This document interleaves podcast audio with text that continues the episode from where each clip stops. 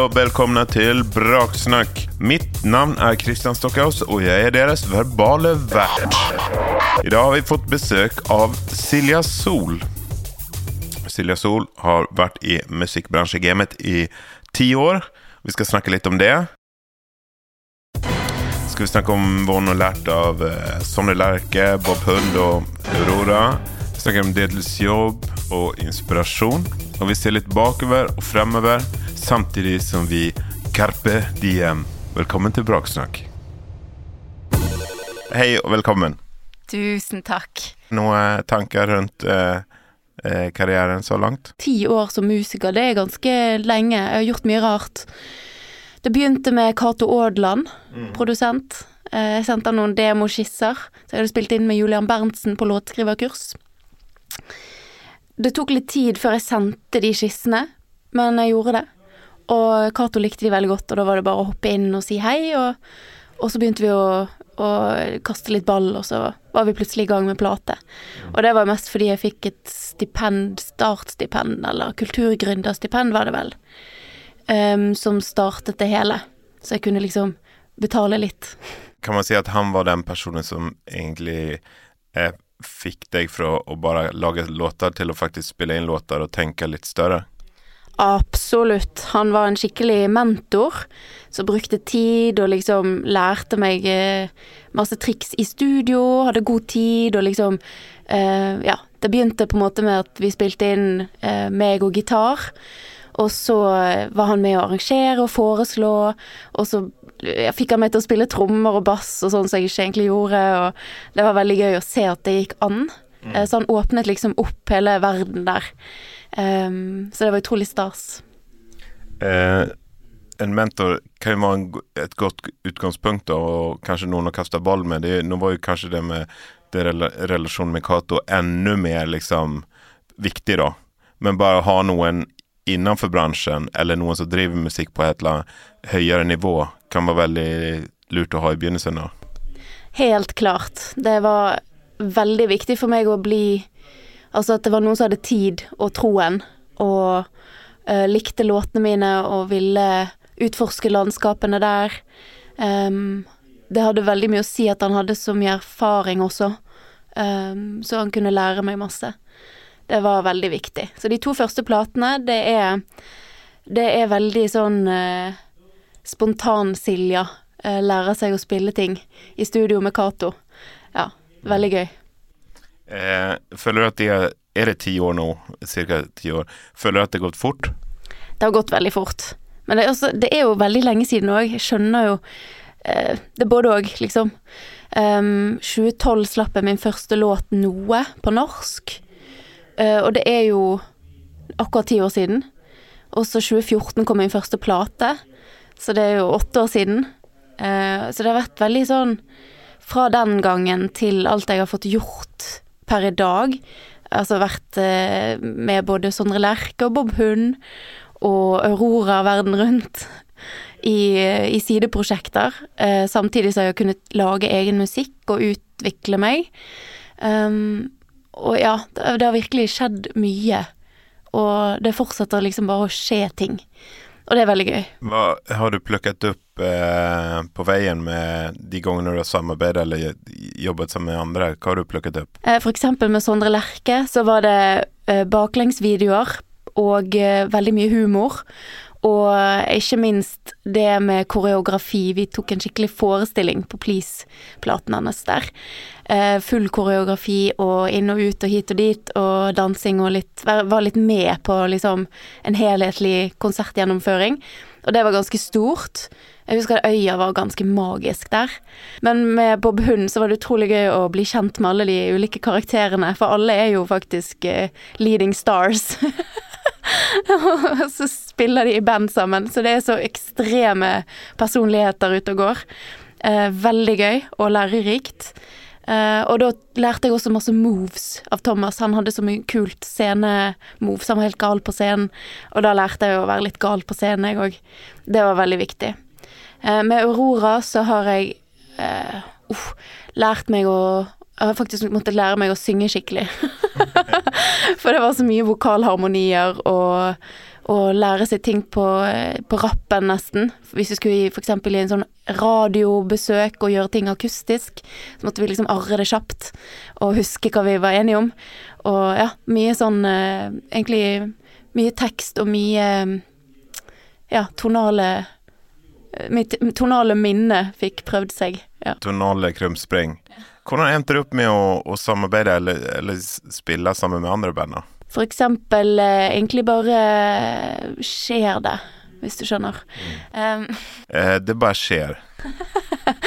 ja, jeg tror jeg får det til å skje òg. Altså sånn Plutselig prater man Jeg er jo veldig sånn utadvendt og går bort og hilser på folk, f.eks. for eksempel. Og så er jeg ikke så, alltid så flink til å vite hvem folk egentlig er. Men jeg bare sånn begynner å prate med folk, og så er de spennende, og så plutselig finner jeg ut Å ja, det er dere, ja. Ja vel. Eh, ja, men hva Å ja, fett. Og så blir det litt sånn man blir kjent på ekte først, og så blir jeg kanskje For skjønner jeg at det var Å ja, det var en kjendis, eller noe sånt. Eh, og det hjelper veldig å ikke ha for mye sånn angst for det, da. Eh, jeg har fått litt mer angst etter hvert som jeg har skjønt hvem alle er, men eh, ikke, ikke få panikk, dette går bra. Det går fint, man må bare prate med folk.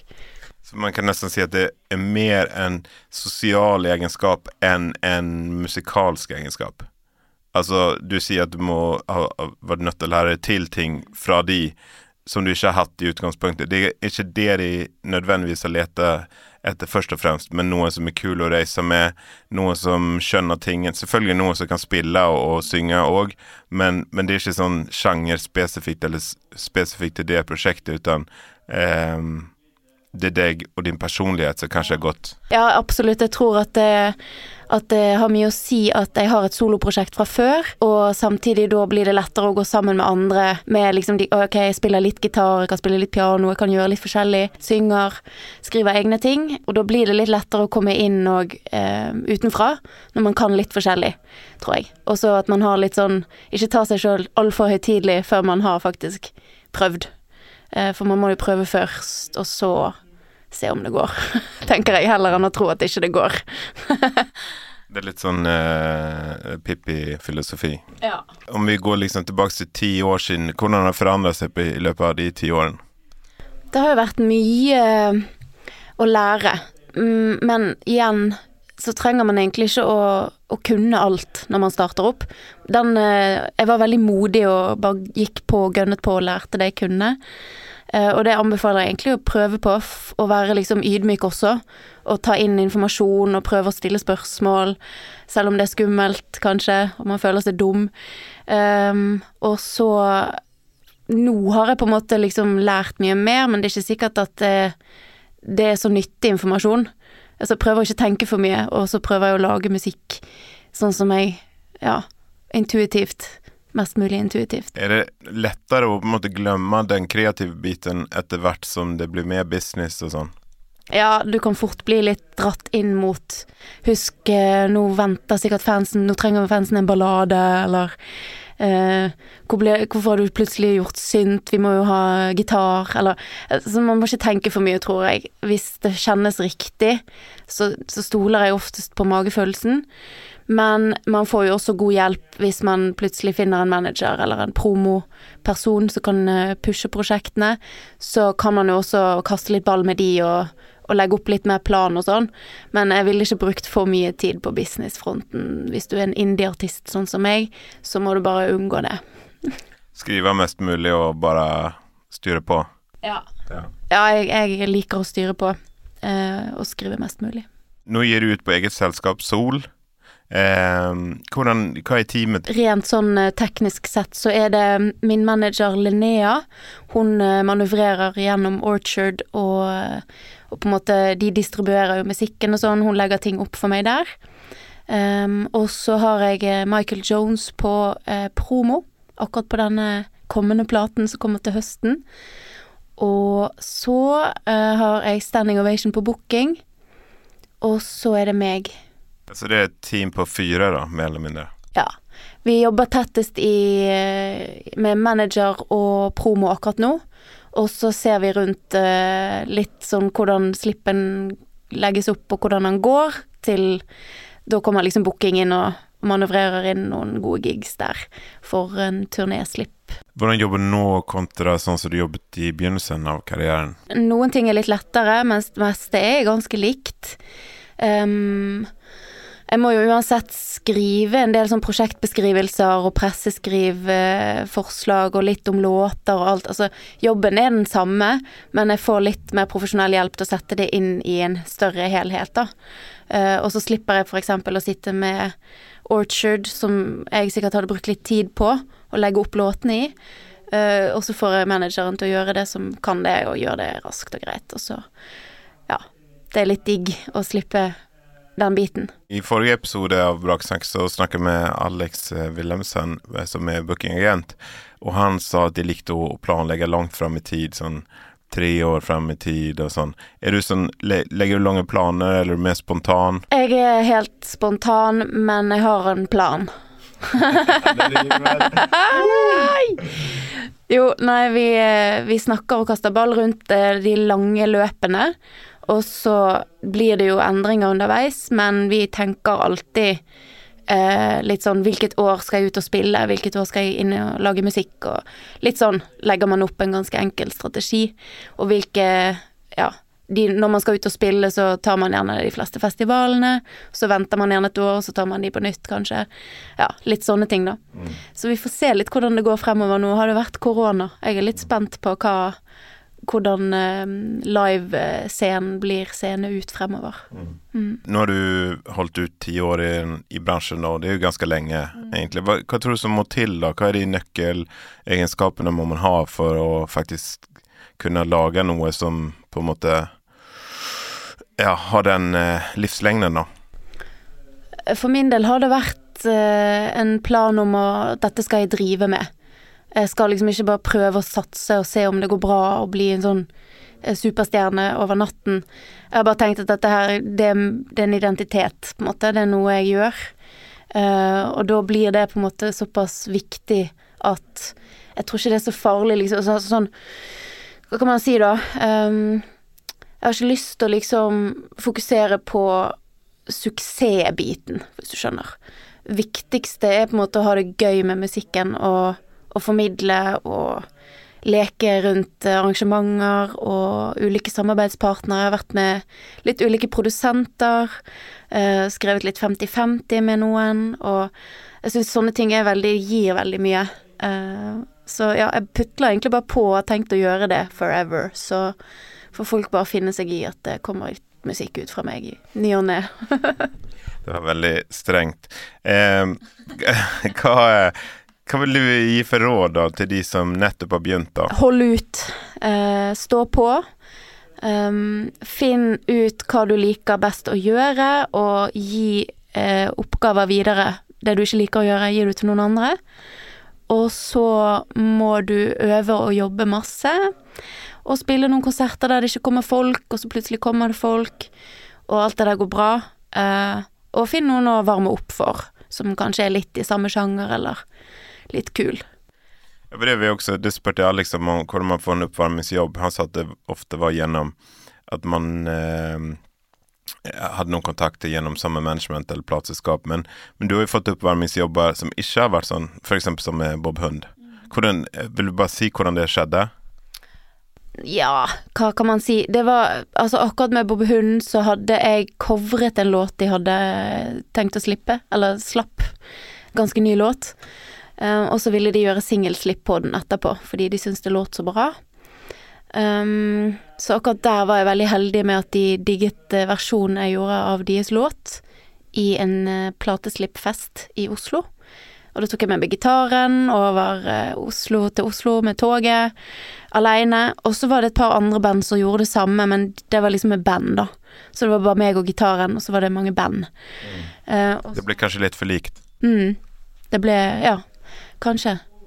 Og ja, så de likte veldig godt den lille solo-skrangle-Siljan som sto der og skalv i buksen. og hadde lyst til å gjøre en skikkelig låt og en singelslipp med den, da. Så det var jo veldig spesielt og veldig kult. Og ellers så er det vel kanskje litt det med at du bare må prøve å sende e-post, altså. Mm. Eller ringe noen. og så se om du får deg en supportjobb. Um, Jeg tror det er litt vanskelig med sånn den pengebiten og det der. Det er ikke sikkert at du får så godt betalt. Eh, Det kan være du må søke støtte sjøl, turnéstøtte sjøl. Jeg vet ikke. Det er bare å finne ut av de tingene der. Ta kontakt med folk.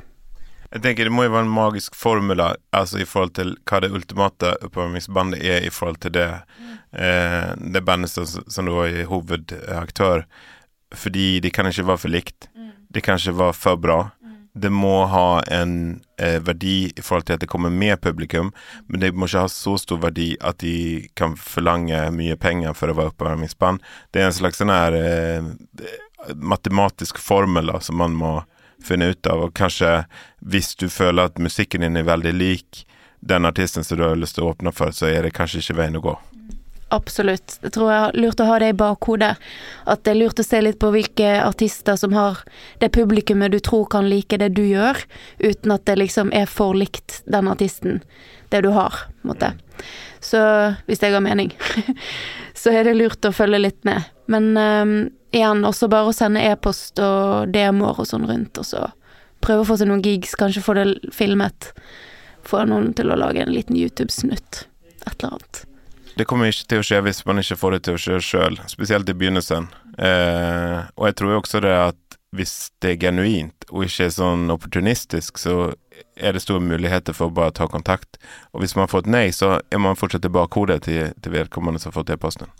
Det å få nei, det må man bare bli vant til med en gang. For det kommer mange nei før det kommer ja. Og både i søknader og i andre ting så er det bare Og folk er gjerne litt skeptiske når du er ny og sånn, sant. Så du må bare gønne. Fortsette å drive på. Selv om det blir et par nei. Det må man tåle. Ikke ta det personlig. Det er bare Det kommer seg. Det er interessant. Ikke ta det personlig, mens musikk som man lager sjøl, er det mest personlige som fins. Så det er en slags eh, balansegang der, da. Akkurat derfor jeg eh, sier det. Det er viktig å ha det i bakhodet at selv om du har lagt sjelen din inn i prosjektet, så er det ikke sikkert at de som satt og hørte det, hadde tid til å føle på det, liksom. Ehm, ja, du, du må bare tåle et nei uten at det blir altfor sårt. Og det Det er lov å grine, men ja. Det, det, du er også burde gå greit å liksom, ja, få et nei. Du må grine av de riktige grunnene. Ehm, når du begynte, så var jo sosiale medier en annen ting enn hva det er nå. Jeg eh, sjekket på Wiki når Instagram kom, og det kom ca. to år før.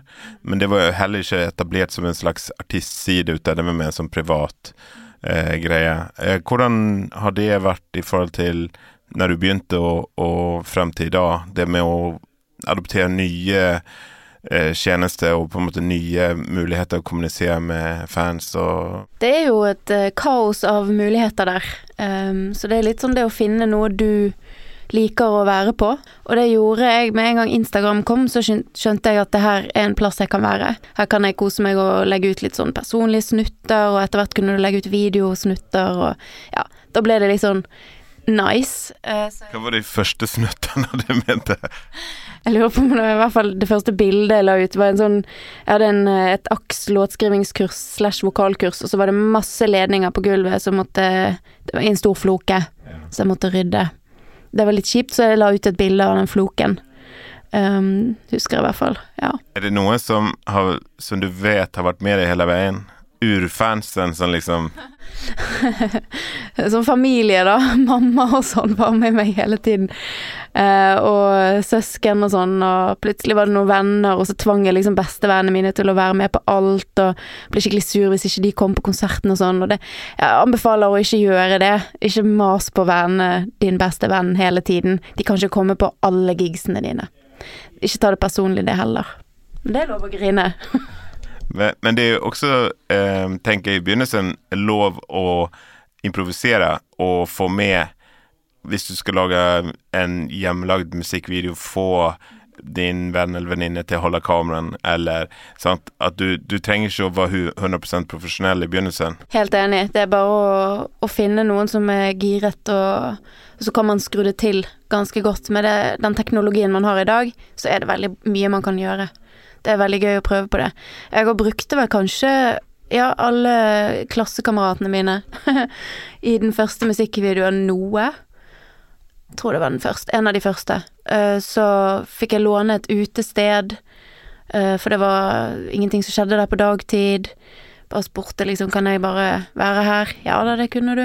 Og jeg vet ikke hvordan sånne regler er nå, men da fikk vi filme der i hvert fall, og så brukte jeg alle vennene mine til litt sånn koreografi og sånn. Eh, og han eh, kompisen min som filmet, han er nå blitt profesjonell eh, og heter Benjamin Langeland. Og han eh, gjorde det for eh, Ja, han gikk i klassen min, så han var en veldig ga, ga meg en veldig grei pris da. Og var jo helt uprofesjonell eh, Nei, det har han aldri vært. Han har alltid vært veldig profesjonell. Men eh, han var helt i startfasen, da. Og nå er han blitt ganske stor, så det er veldig gøy å se at man kan hjelpe hverandre litt også. Jeg tror han satte pris på utfordringen, og jeg satte pris på utfordringen, og så ja, lagde man noe. Du har jo en del bijobber eller som deltidsjobber på siden. Tror du at eh, Det er ikke noe diss. Jeg syns det er noe av det smarteste man kan gjøre. Eh, Hva er fordelene med faktisk ikke ha 100% avhengighet økonomisk av artisteriet? Eh, For meg har det vært veldig viktig å ha flere bein å stå på i Altså det er alltid rolige perioder i musikken, og så er det travle perioder i musikken. Så det å ha en deltidsstilling eller noe annet å gjøre, det gir både fotfeste og en trygghet, og er veldig greit å ha eh, parallelt med musikk. Eh, så man ikke forsvinner helt inn i en sånn artistisk liten boble. Det er litt godt med bakkekontakt, som jeg kaller det. Eh, så den sidejobben min har vært bakkekontakten, liksom. Eh, moppe og poppe popkorn og sånne ting. Det har vært viktig. Ehm, så ja, det er en sånn liten eh, Det er lurt å ha noen sånne knagger. Gjerne flere òg på en gang, men uh, ikke for mye. Det må ikke bli for mye kaos. Men uh, ha noen andre bein å stå på, sånn at du liksom har en driv og en jevn flyt i arbeid og Ja, for det eh, liksom økonomiske jaget da, som kan oppstå når man driver med musikk, kan også bli så tidskrevende og eh, ta så mye energi at det blir faktisk vanskelig å være kreativ. Absolutt. Tror det er lurt å balansere det litt. Eh, at man klarer å få litt tid til å være kreativ når man trenger det, og at man har litt tid til å slippe å være kreativ når man bare trenger å være på jobb, liksom. Er det noe inspirasjon å hente der på, på de andre? For jeg tenker med musikk så er jo ofte eh, de tingene man blir inspirert av, eller det man henter ting fra, kan være bruddstykker av noe. Eh, men hvis man tråkker La oss si at man alltid er på turné, da, eller alltid i en studio, så blir det jo mindre å bli inspirert av enn hvis man er ute blant folk eh, på en annen måte, i, i en jobbsammenheng eller ha kolleger og sånn. Føler du også det at du, at du kan, om ikke direkte på en måte tekstlig inspirasjon, men liksom inspirasjon generelt? Ja, det menneskelige, hverdagslige møtet der man bare er seg sjøl og slapper av, og det kan oppstå ganske mange gøye samtaler, eh, både på turné og i, i vanlig jobbsetting. Så jeg har hatt det veldig inspirerende med på en måte alt man kan finne på å si, altså. Det er mye rart folk sier. og det setter i gang stemninger og humører og tankerekker som eh, er viktige, da. At uh, når man ikke går og leiter etter noe, så kommer det liksom bare naturlig òg. Det er litt digg. Du har jo alltid syngt på norsk. Fortell litt om hvordan du skriver tekster, eller hvordan du tenker i den kreative fasen. Ja, jeg pleier å begynne med Altså før begynte jeg gjerne med gitar og klimpret litt og fant litt melodier og akkordrekker. Men det har blitt mer og mer sånn tekstfokus, da. Der jeg skriver ned linjer og fine ting. Og så de siste platene har jeg skrevet sammen med produsenter som gjerne står for mye av den musikalske biten. Eller i hvert fall eh, på Ni liv og på Ekte så var det mye av musikken som allerede lå der, og så toplinet jeg, på en måte og valgte ut låter som jeg følte passet. Og da var det viktig å liksom kjenne på musikken som var der, og finne ut hva jeg kan tilføre her, uten å forstyrre det, eller uten å ødelegge det. og samtidig hente ut noe fra både mitt og det som er der. Altså merge to ting, da. Det var litt ny måte å jobbe på. Det var litt digg. Utfordrende. Eh, så jeg syns det er veldig spennende å gjøre det. Um, ja, det er jo Tekster er jo, kommer jo fra eh, samtaler, møter med folk. Jeg overhører ofte folk si rare ting, og så blir jeg veldig inspirert.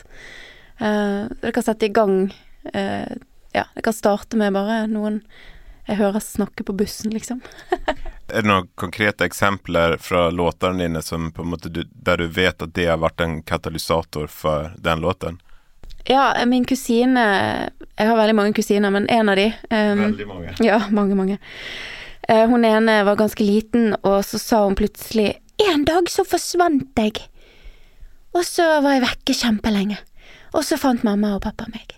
Og da var jeg sånn Hm, hvor blir man av når man forsvinner?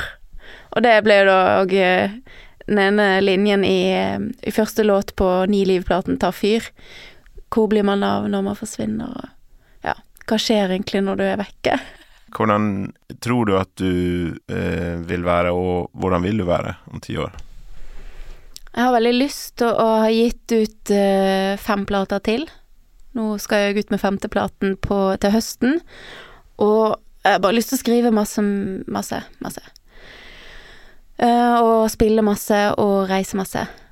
Eh, I alle fall eh, Ja, jo, ja. Jeg måtte bare se det for meg. Men det er det jeg har lyst til.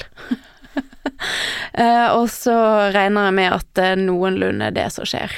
I tillegg til uh, kanskje Kanskje Nei, det blir, det blir egentlig bare det. Mm. Mer av det samme, i, fast nye låter og nye Ja, jeg tror det må bli det, faktisk. Jeg tenkte vi kunne runde av der. Og så vil jeg høre fra deg om du kan si noe eh, filosofisk om det å Kanskje om utholdenhet, da, eller det å være ti år i musikkbransjen. Ja, hold deg fast, og slipp løs. Og kjenn at du lever. Det var nydelig. Tusen takk for at du ville komme. Vi ses på kontoret om eh, et par minutter. Yes, sir! Takk skal du ha. Ha det godt. Ha det på badet! Yeah, yeah, yeah, yeah. Tusen takk til Silja Solar, som eh, endet ut i en episk klang. Siden siste episode har vi slått oss sammen med de andre musikkontorene her i landet om å lage den ultimate nettsiden som heter musikkontoret.no. Siden er en felles ressursbank for hele musikkbransjen i Norge, og der kan du finne relevant informasjon, gode verktøy og inspirasjon til egen karriere.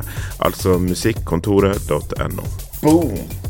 Abonner gjerne på Braksnakk, og følg oss gjerne på Facebook og Instagram og TikTok hvis du vil følge med på hva vi driver med.